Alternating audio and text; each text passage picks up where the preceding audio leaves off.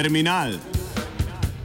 Vedno različni, nikoli isti, reš kolumnisti, isti, isti, isti, isti, isti, isti. Pred dnevi smo na mizo dobili osnutek predloga davčnih sprememb oziroma davčne reforme. Ministrstvo za finance želi s predlogi izboljšati predvsem položaj zaposlenih in sicer tretjega, dohodninskega oziroma, kot pravijo, najproduktivnejšega davčnega razreda. Davčno razbremenitev dela naj bi deloma pokrili z nekaj večjo obremenitvijo kapitala, deloma pa tudi z boljšim pobiranjem davčnih obveznosti. Popravki davčne obremenitve dela izhajajo iz splošno sprejete predpostavke, da je delo pri nas bistveno bolj obdavčeno glede na kapital.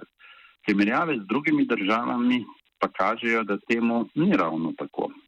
Sveda so države s precej nižjo obdavčitvijo dela, a tudi takšne za bistveno višjo in bolj progresivno, medtem ko smo mi približno v sredini. Drži pa, da je obdavčitev dobičkov podjetij pri nas po uprečju kar nekaj nižja, kot to velja za večino drugih držav. A to velja za podatek o povprečni obremenitvi. Od tega pa približno polovico podjetij pravzaprav plačuje davek po stopni, ki je značilna tudi za davčne obremenitve dobička v, v drugih državah Evropske unije. Povprečje pa znižuje druga polovica podjetij, ki zaradi visokih davčnih olajšav davka praktično ne plačuje ali pa samo nekje do 15 odstotne stopne.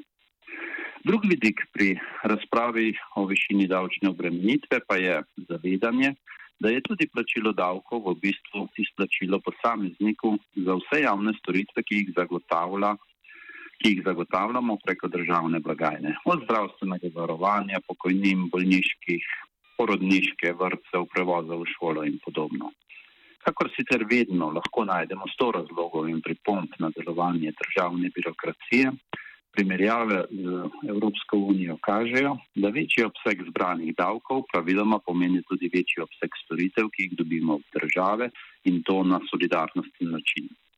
Zauzemanje za nižje plačilo davkov od plač pomeni pravzaprav dejansko zauzemanje za nižje plačilo ljudi, ljudem za javne storitve oziroma za nižji nivo javnih storitev. Zato je za celotni standard ljudi v bistvu vseeno ključna bruto plača.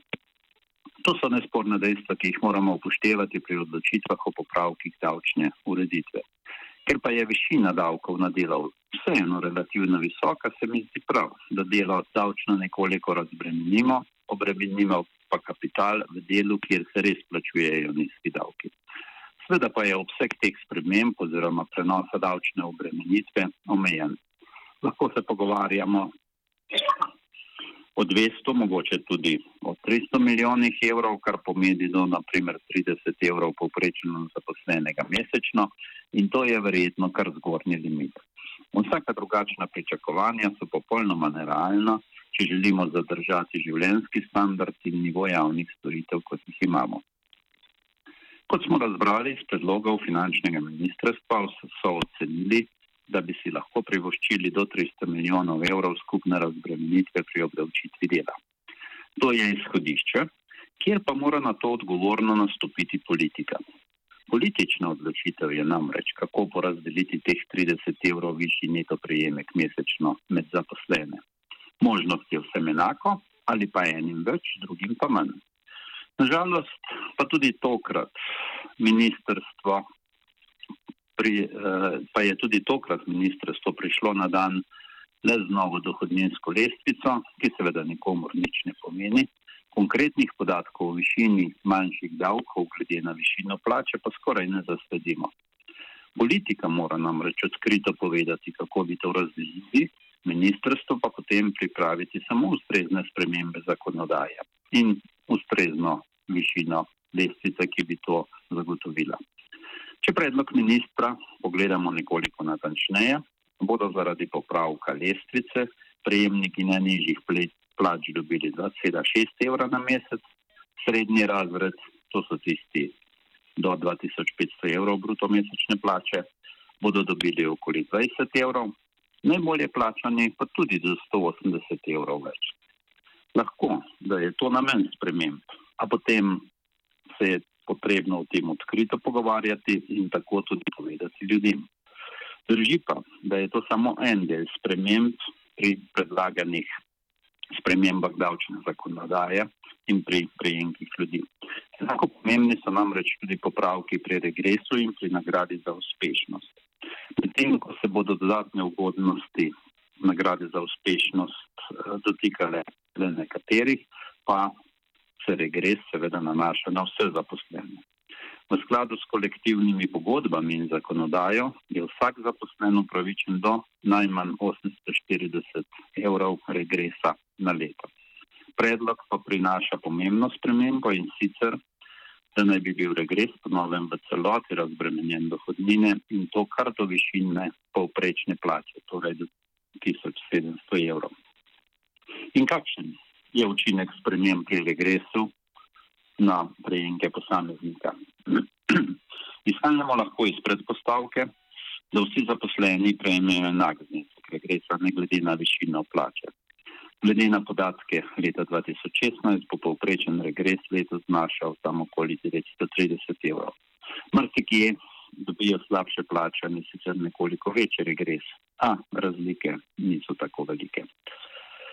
Seveda se tudi pri regresu srečamo s tem, da bodo predlagano davčno spremembo slabše plačani profitirali manj, torej 150 evrov, najbolje plačani pa bodo oproščeni plačila v višini 470 evrov dohodnine.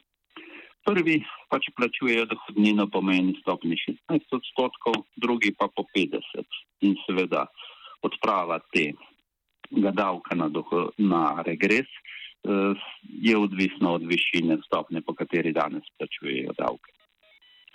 Po vseh teh navedenih spremembah obdavčitve bo tako posameznik s 1200 evrov bruto plače oziroma 830 evrov neto dobil sicer le 2,6 evrov večje plače zaradi sprememba dohodninske lestvice, vendar pa bodo z učinki regresa njegovi mesečni prejemki višji za okoli 16 evrov oziroma za 2 odstotke. Skupni učinek za nekoga z 2200 evrov bruto plače pa bo okoli 40 evrov višji prejemki oziroma 3 odstotke.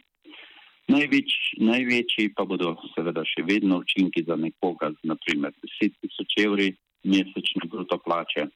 Njemu se bodo mesečno prejemki povečali za približno 250 evrov.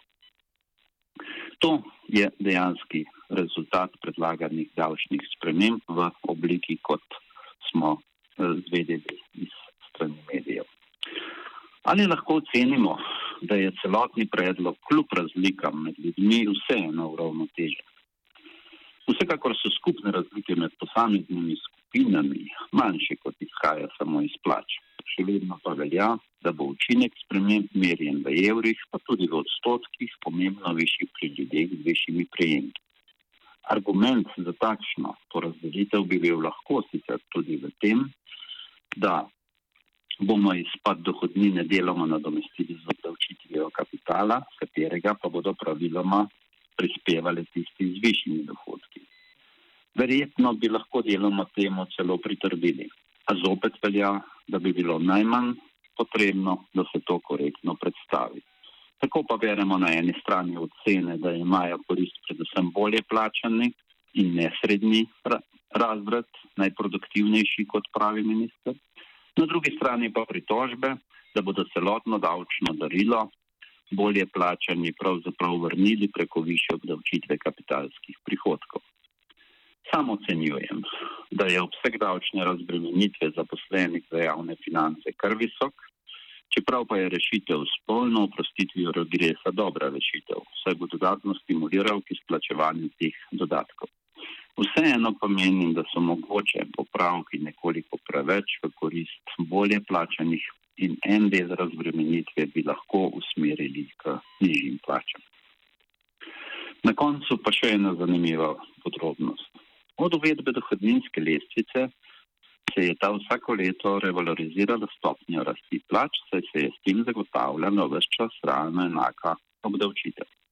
Z znanim ZUJFom pa je bilo to odpravljeno in na revalorizacijo smo praktično pozabili. Zaradi tega se dejansko obdavčitev plač vsako leto kar nekoliko zviša.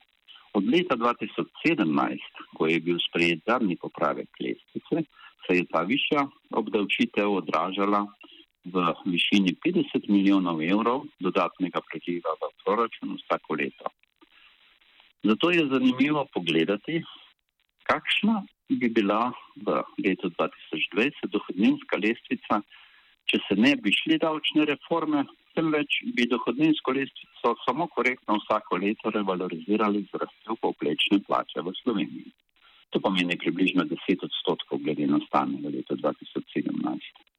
Izračun pokaže, da bi bili v naslednjem letu učinki na proračun in plače skoraj enaki, kot jih bo prinesla nova lestvica, ki jo poimenujemo kot davčna reforma. To pomeni, da je v preteklih treh letih država že prejela tistih 150 milijonov, kolikor naj bi sedaj spadla z davčno reformo. Vrača se pravzaprav tisto, kar se je dodatno pobralo in zaradi česar je bil priliv dohodnine vsako leto nepričakovano precej večji, kot je bilo predvideno v sprejetem proračunu. Ves cirkus, če temu tako rečem, z davčno reformo je torej glede dohodninske lestvice pravzaprav samo popravek tega, kar nismo izvajali zadnje tri leta z opustitvijo revalorizacije. Prejemniki nižjih plač so celo nekaj evrov na slabšem. Največja je pravzaprav sprememba pri obdavčitvi regresa ter nagrad za uspešnost. Ta učinek vsekakor ni zanemarljiv in verjetno bo spodbudil podjetja, da ta neobdavčena izplačila še povečajo, ker pač na nje ni potrebno plačati davkov. To pa je pravzaprav tisto, za kar so se vsi zauzemali. Znesek pa je tudi to, kar si največ lahko privoščimo. Čeprav bo nekaj večji, kot pravijo na ministrstvu.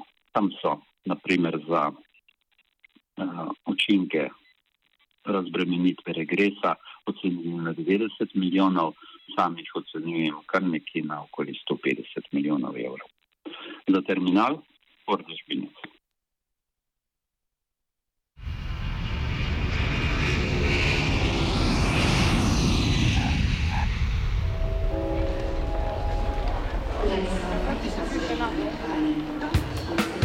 Terminal.